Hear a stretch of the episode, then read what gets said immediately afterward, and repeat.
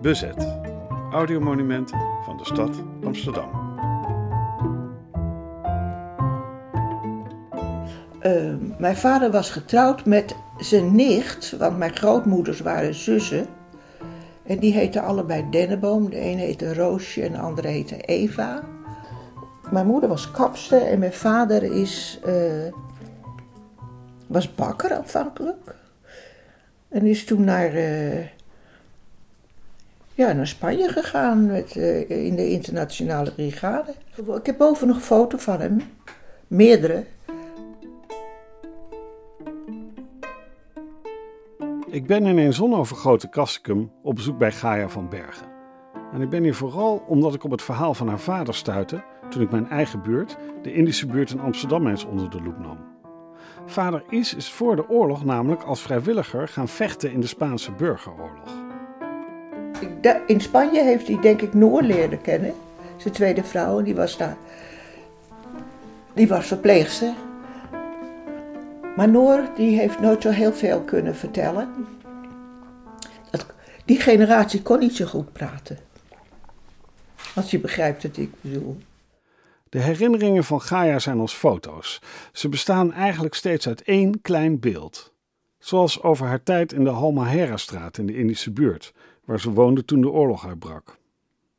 Als je dus de insulineweg overstak, dan was daar een winkeltje. En dan kon je voor één cent snoep kopen. En ik ben er ook in de buurt nog even naar school geweest, want ik kon wel lezen toen ik onderdook. Maar ik, ik weet niet meer waar. En dat ik altijd langs een huis kwam en er lag op de eerste etage iemand in zo'n ijzeren long. En die lag dan, die had een spiegel. En daar kwam ik dan langs en die, die kon mij zien. Idiote dingen onthoud je eigenlijk. En dan zwaaide ik, want die man of die vrouw, dat weet ik niet eens, die kennen die mensen niet. Maar dan kwam hij langs en dan zwaar. Maar ik van het wonen daar verder. Uh, ik weet dat Noor was zwanger van Eddie. En mijn vader is, was dus ook weer thuis uit uh, Spanje en Noor natuurlijk ook. Meer dan dit soort kleine observaties heeft ze niet. Wel hangen er overal in haar huis foto's van de familie. Maar als je ietsje verder vraagt, zegt Gaia dat ze het niet precies weet en verwijst ze naar boeken over de Spaanse burgeroorlog.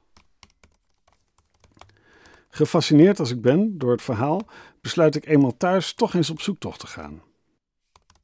Op het internet is wel het een en ander te vinden. Is van Bergen werd op 5 juli 1906 geboren in Weesp, als zoon van een groente- en fruithandelaar. Met zijn ouders verhuisde hij in 1926 naar Amsterdam. Is was de oudste van zeven kinderen.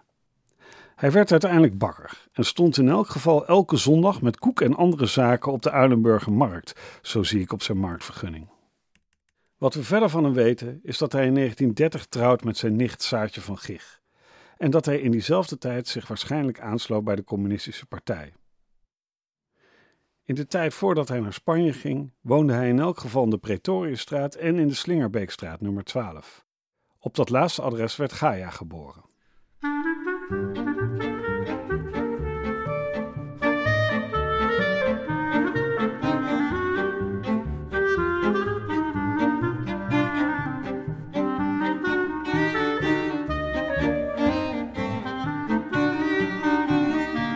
Maar hoe kwam je er als jonge vader toch toe om je te melden als vrijwilliger voor een burgeroorlog?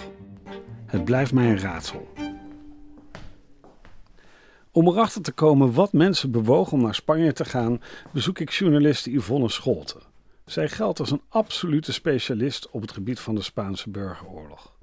Eenmaal bij haar thuis neemt ze me meteen mee naar 1936 toen het arme, feodale en katholieke Spanje net een linkse volksfrontregering gekozen had. Die linkse mannen aan de macht waren nogal tegen het zere been van de rechtse generaals in Spanje, die meteen een koepoging ondernamen. En die poging tot staatsgreep van dus de, de, de generaals onder leiding van Francisco Franco, de man die later tot 1975 dictator van Spanje is geweest, die coup die wordt vrijwel onmiddellijk gesteund door fascistisch Italië en Nazi-Duitsland. Nou, de fascisten zaten dus in Italië al sinds 1922 aan de, aan de macht en Hitler was in 1933 in Duitsland aan de macht gekomen. De Spaanse Republiek daarentegen kreeg nauwelijks hulp. Want de grote westerse mogendheden, Frankrijk, eh, Engeland, de Verenigde Staten, hadden besloten tot een zogeheten non-interventiepolitiek. Dus ze gingen zich daar niet mee bemoeien. En de Spaanse Republiek kreeg vrijwel uitsluitend hulp van de Sovjet-Unie. Dit waren zeg maar de geopolitieke verhoudingen op het moment van het begin van de Spaanse burgeroorlog, juli 1936. De generaals moeten gedacht hebben dat ze eh, de regering binnen een paar weken afgezet zouden hebben. Uh, ze hadden een duidelijke militaire overmacht. Dus ze moeten gedacht hebben dat dat echt binnen een paar weken gepiept was. En ze hadden er niet op gerekend dat met name in de grote steden, dus met name in Madrid en in Barcelona, uh, de bevolking zich is gaan verzetten. Daarbij zijn ja, vrijwel meteen uh, kazernes bestormd, wapens in beslag genomen. En er begon dus een strijd. Nou, echt letterlijk op leven en dood. Dat non-interventieverdrag leidde bij nogal wat sympathisanten tot grote verontwaardiging. De kranten, ook in Nederland, stonden vol met verhalen en opinies over de Spaanse burgeroorlog. Zeker in de communistische kringen van IS was er natuurlijk veel sympathie voor de linkse regering. Maar er speelde meer, zo weet Yvonne. Wat in Nederland een belangrijke rol speelde, was dat er Duitse vluchtelingen waren.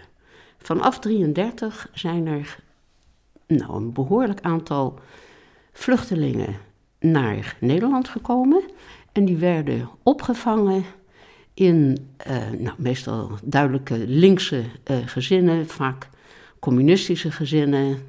De opvang werd georganiseerd door een uh, organisatie die de Internationale Rode Hulp heette.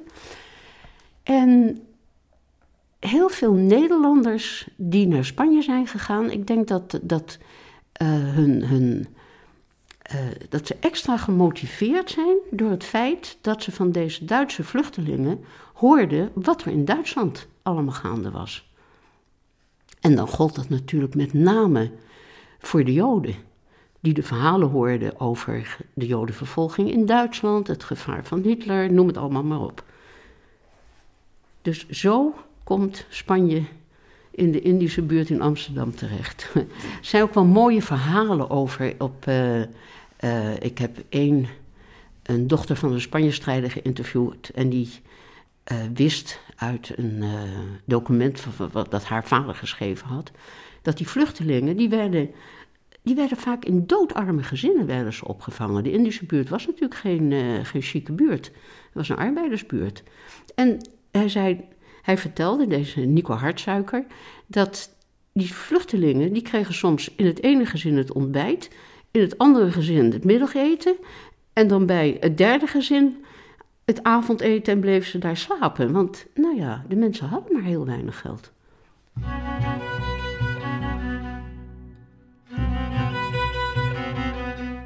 De kans is dus groot dat iets behalve vlammende betogen uit communistische hoek ook Duitse vluchtelingen tegen het lijf is gelopen in de jaren 30. Hoe dan ook besloot iets zelf naar Spanje te gaan en daar te strijden tegen het fascisme zijn vrouw en kind achterlatend. Hoe ze dat financieel deden is de vraag. Misschien heeft de communistische partij Saartje en Gaia geholpen, of Saartje is gewoon als kapper blijven werken. We weten het niet. Wat wel duidelijk is, is dat het allemaal best riskant was vergis je niet, het moest allemaal in het geheim gebeuren. Want je wilde natuurlijk niet dat je meteen op een van de lijsten van de, van de inlichtingendienst kwam te staan. Dus het gebeurde ook inderdaad in, in het geheim. En er zijn ook op zich werkelijk ook hilarische documenten kun je erover vinden. Met name in kleinere gemeenten. Ik heb één verslag gelezen en daarin staat dan letterlijk, en ik weet echt niet meer in welk dorp dat was, maar in ieder geval een politieman die zich verscholen, met zijn fiets verscholen heeft achter een boom om te kijken of een bepaald communistisch raadslid wel of niet eh, mannen helpt om eh, naar Spanje te vertrekken. Nou, dat zijn echt, ja, echt hilarische documenten. Het is staatsgevaarlijk. Ze werden echt als staatsgevaarlijk beschouwd. En dus geen enkele erkenning voor het feit dat ze daar ja, toch tegen het fascisme gingen vechten. Die erkenning hebben ze totaal niet gehad. Is vertrok als een van de eerste vrijwilligers in december 1936. De grens tussen Frankrijk en Spanje was toen nog open, dus de kans is groot dat hij met de trein naar het zuiden is gereisd. En dat een barre voettocht over de Pyreneeën hem bespaard is gebleven. Toen Is vertrok in december 1936, was er al een begin gemaakt met de organisatie van de internationale brigade. En die hadden hun hoofdkwartier in Albacete. En Albacete, moet je je voorstellen, ligt ongeveer halverwege tussen Madrid en Valencia. En daar was dus een opleidingskamp. dus dat was zes weken training. Um, die internationale brigade die waren uh, ingedeeld naar taalgroepen. En de Nederlanders die kwamen dus terecht in de Duitsstalige groep. Met de Oostenrijkers, met de Duitsers, met Zweden, Nooren, um, Denen, noem maar op. En met name tussen de Nederlanders en de Duitsers waren nogal eens strubbelingen. en er zijn ook wat, um, wel wat klachten geweest over de Nederlanders, omdat ze niet gedisciplineerd genoeg waren. De Duitsers hadden natuurlijk, daar zaten ook nogal wat mensen die ervaringen hadden opgedaan in de Eerste Wereldoorlog. En dat gold natuurlijk niet voor de Nederlanders. Wij hadden niet deelgenomen aan de Eerste Wereldoorlog. Dus als er al jongens waren die enige militaire ervaring hadden, dan was het alleen omdat ze opgeroepen waren voor militaire dienst. En meer hadden ze niet gehad. Waar je na die training terecht kwam, hing van de situatie af. Yvonne Scholte bekijkt de biografie van Is.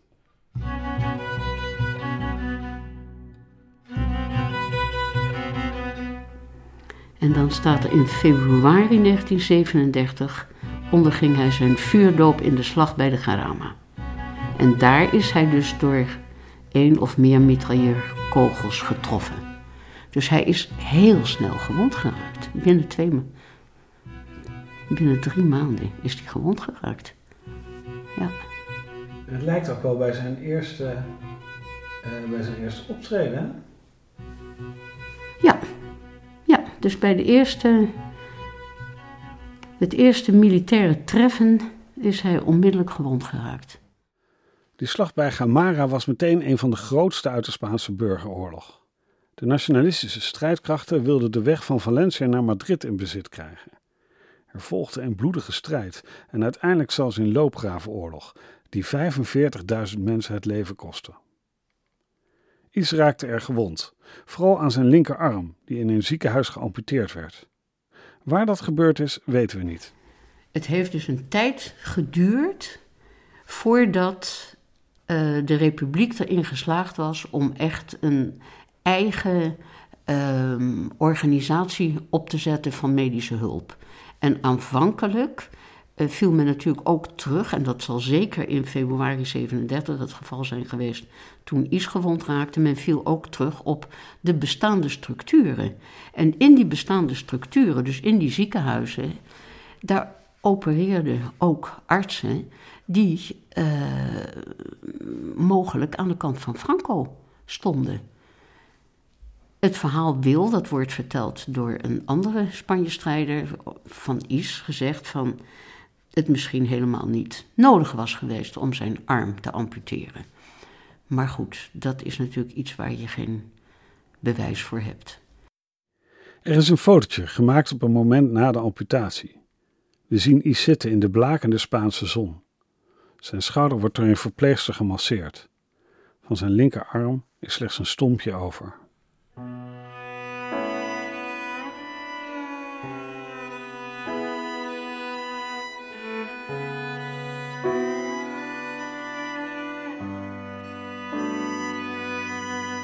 Of het gebeurde in een ziekenhuis of tijdens zijn nieuwe baantje als sensor bij een postkantoor in Barcelona, weten we niet. Maar in elk geval kwam Is daar in Spanje Noor Diamant tegen. Is valt als een blok voor deze Nederlandse verpleegster. Gaia, die na de oorlog door Noor werd opgevoed, heeft nog een oud uitgeschreven interview van Noor liggen. Haar persoonlijke relaas geeft in elk geval een beeld hoe je als vrijwilliger in Spanje kon belanden. Ik was verpleegster in het Wilhelmina Gasthuis in Amsterdam en lid van de Sociaal-Democratische Arbeiderspartij. Ik at daar in het WG met een aantal collega's aan een vegetarische tafel en er werd veel over politiek gesproken. Ik was verontwaardigd over de non-interventiepolitiek tegenover Spanje. Dat was toch een regelrechte uitlevering aan Italië en Duitsland? In 1936 had ik mijn verpleegstersdiploma gehaald. Mijn ouders waren bevriend met Ben Sayed, organisator van het Comité Hulp aan Spanje. En via Ben kwam ik op een bijeenkomst voor mensen terecht die als medisch vrijwilliger naar Spanje wilden. Ik heb mezelf toen aangemeld. Er was grote behoefte aan medisch personeel. Vrouwen met medische opleiding die hadden bij uitzending ook geen problemen met de Nederlandse autoriteiten. Mannen wel. Zij dreigden hun nationaliteit te verliezen. En mijn vader zei: Ik geloof dat jij nog als communist naar huis komt. Ik zei: Nou, als dat zo is, dan is dat de loop der dingen. Mijn ouders wilden mij niet tegenhouden. Ze zeiden: Kind, dat moet je zelf weten, als je maar voorzichtig bent. Het was dus wel mogelijk om legaal en met instemming van de Nederlandse regering naar Spanje te gaan. Maar daarvoor moest je wel arts of verpleger zijn. Nora en een aantal andere verpleegsters werden zelfs door de Spaanse ambassadeur officieel uitgezwaaid. Na deze ceremonie vertrekken ze. Het is 22 april 1937 en de trein vertrekt van Den Haag-Hollandspoor naar Parijs. In de Franse hoofdstad voegen ze zich samen met een aantal Tsjechen en Amerikanen en reizen dan verder naar Spanje.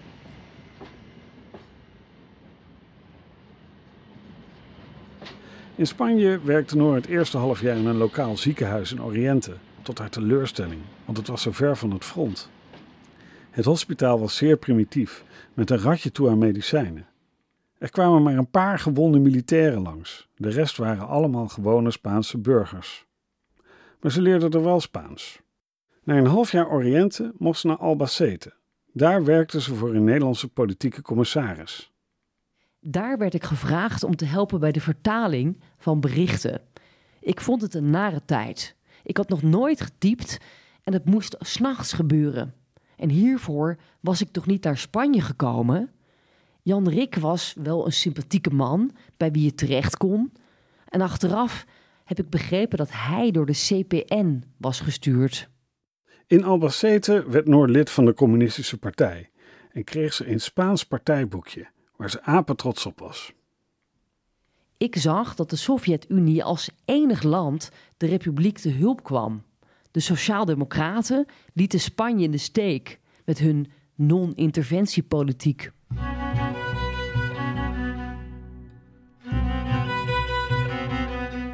Na Albacete kwam Noor eindelijk in het veldhospitaal terecht waar ze zo graag naartoe wilde. Met de 45e divisie werkte ze vervolgens op verschillende plekken. Het was daar zeer primitief. Er werd in tenten geopereerd bij het licht van carbidlampen. Ik was geen operatiezuster, maar deed de ontvangst van gewonden. Er moest dan veel geregeld worden. Er was een gebrek aan verband, aan beddengoed. Veel gewonden werden ter plaatse al geopereerd. Er vonden ook veel amputaties plaats. Patiënten bleven in het veldhospitaal tot ze vervoerbaar waren. Dan pas gingen ze naar het achterland. Het was lastig om in dat Spaanse veldhospitaal de geordende manier van werken, die ze in Nederland had geleerd, vol te houden. Meubels, zeep, ontsmettingsmiddelverband en water, er was er ongeveer een gebrek aan alles. Het was dus improviseren en hard werken. Niet zelden gingen ze de hele nacht door. Je lette gewoon niet op vermoeidheid. Je wist dat het niet anders kon. Je wist ook dat er weer een einde aan zou komen. Hier was ik voor opgeleid. Ik was toch hiervoor naar Spanje gekomen?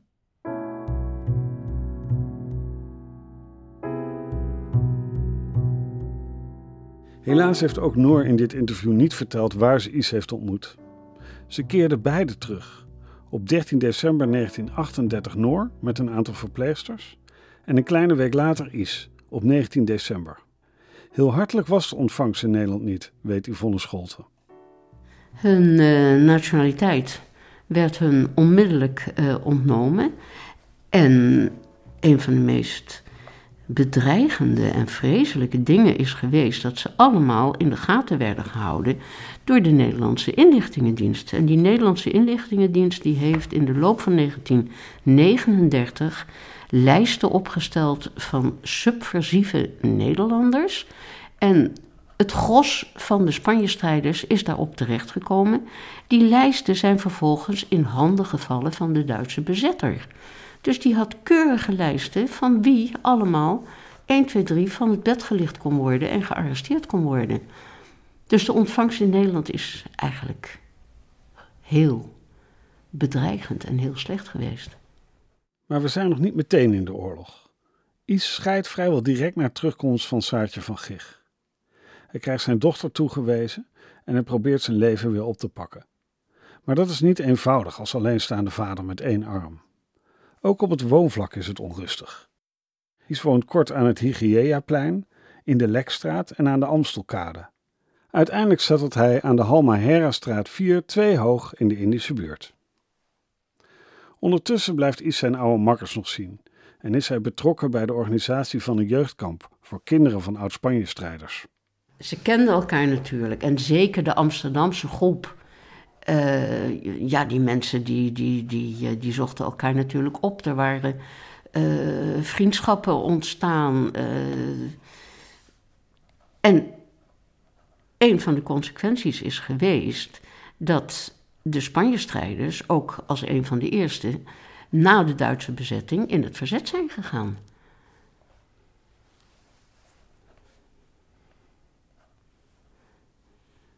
Kijk, er is natuurlijk de ingewikkelde geschiedenis, maar dit even snel tussen jou en mij. Uh, de houding van de CPN in die eerste oorlogsjaren is onduidelijk. Want er is het Molotov-Ribbentrop-pact. Uh, waar die Spanje-strijders volgens mij echt op gespuugd hebben dat zoiets mogelijk was. Dat, er dus, dat Rusland een verbond sloot met Nazi-Duitsland. Maar zij hebben zich daar in feite ook niks van aangetrokken. Ze zijn onmiddellijk na de Duitse bezetting, zijn heel veel van die Spanje-strijders zich gaan voorbereiden op verzet tegen de Duitsers. Onafhankelijk van wat die CPN-partijleiding deed. En zo ging het precies met Noor en Is. Beiden gingen vrijwel meteen nadat de Duitsers Nederland binnen zijn gevallen in het verzet.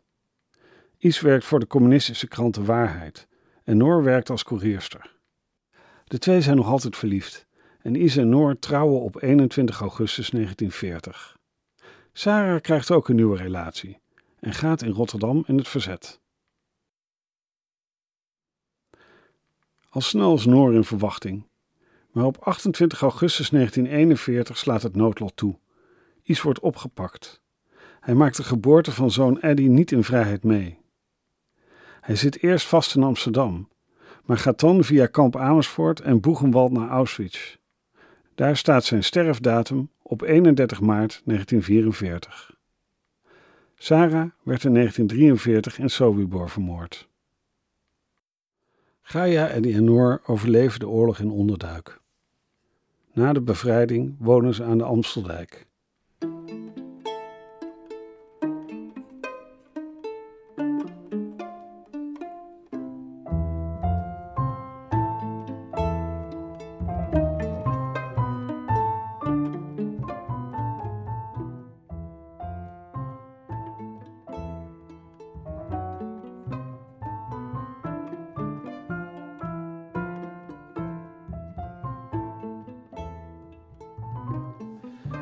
Gaia heeft geen makkelijk leven gehad. In de oorlog verloor ze haar beide ouders en na de bevrijding werd ze ook nog naar Engeland gestuurd om aan te sterken. Ze herpakte zich, werkte hard en stichtte een gezin. Maar ook daar zat het flink tegen. Ze verloor twee dochters aan ziekte. Dit is Roosje Denneboom, mijn oma. Van, ik moet er goed aan denken, van moederskant. Aan het eind van een bijzondere middag geeft Gaia me een rondleiding door haar huis. Overal hangen foto's van haar kinderen, haar kleinkinderen, van Noor, van haar moeder en van haar vader Is. Kijk, en hier is die foto van mijn vader. Ja, ontzettend. Wat een, Er wordt dus een collage gemaakt voor, mij, voor de kleindochters. Alle vier, de, de, de- de- in- alleen de vrouwen. Mijn grootmoeder, mijn moeder, ikzelf, mijn dochters. En dat zijn mijn kleindochters, wel een paar jaar geleden. Ik ben de enige die zo oud is geworden van de generaties hiervoor. Zoals ik ben, zo oud. Ik heb ook een stukje geschreven. Dat Over ik, de- eh, eh, nou, dat ik hoop dat mijn kleindochters wel eh, die leeftijd zullen halen.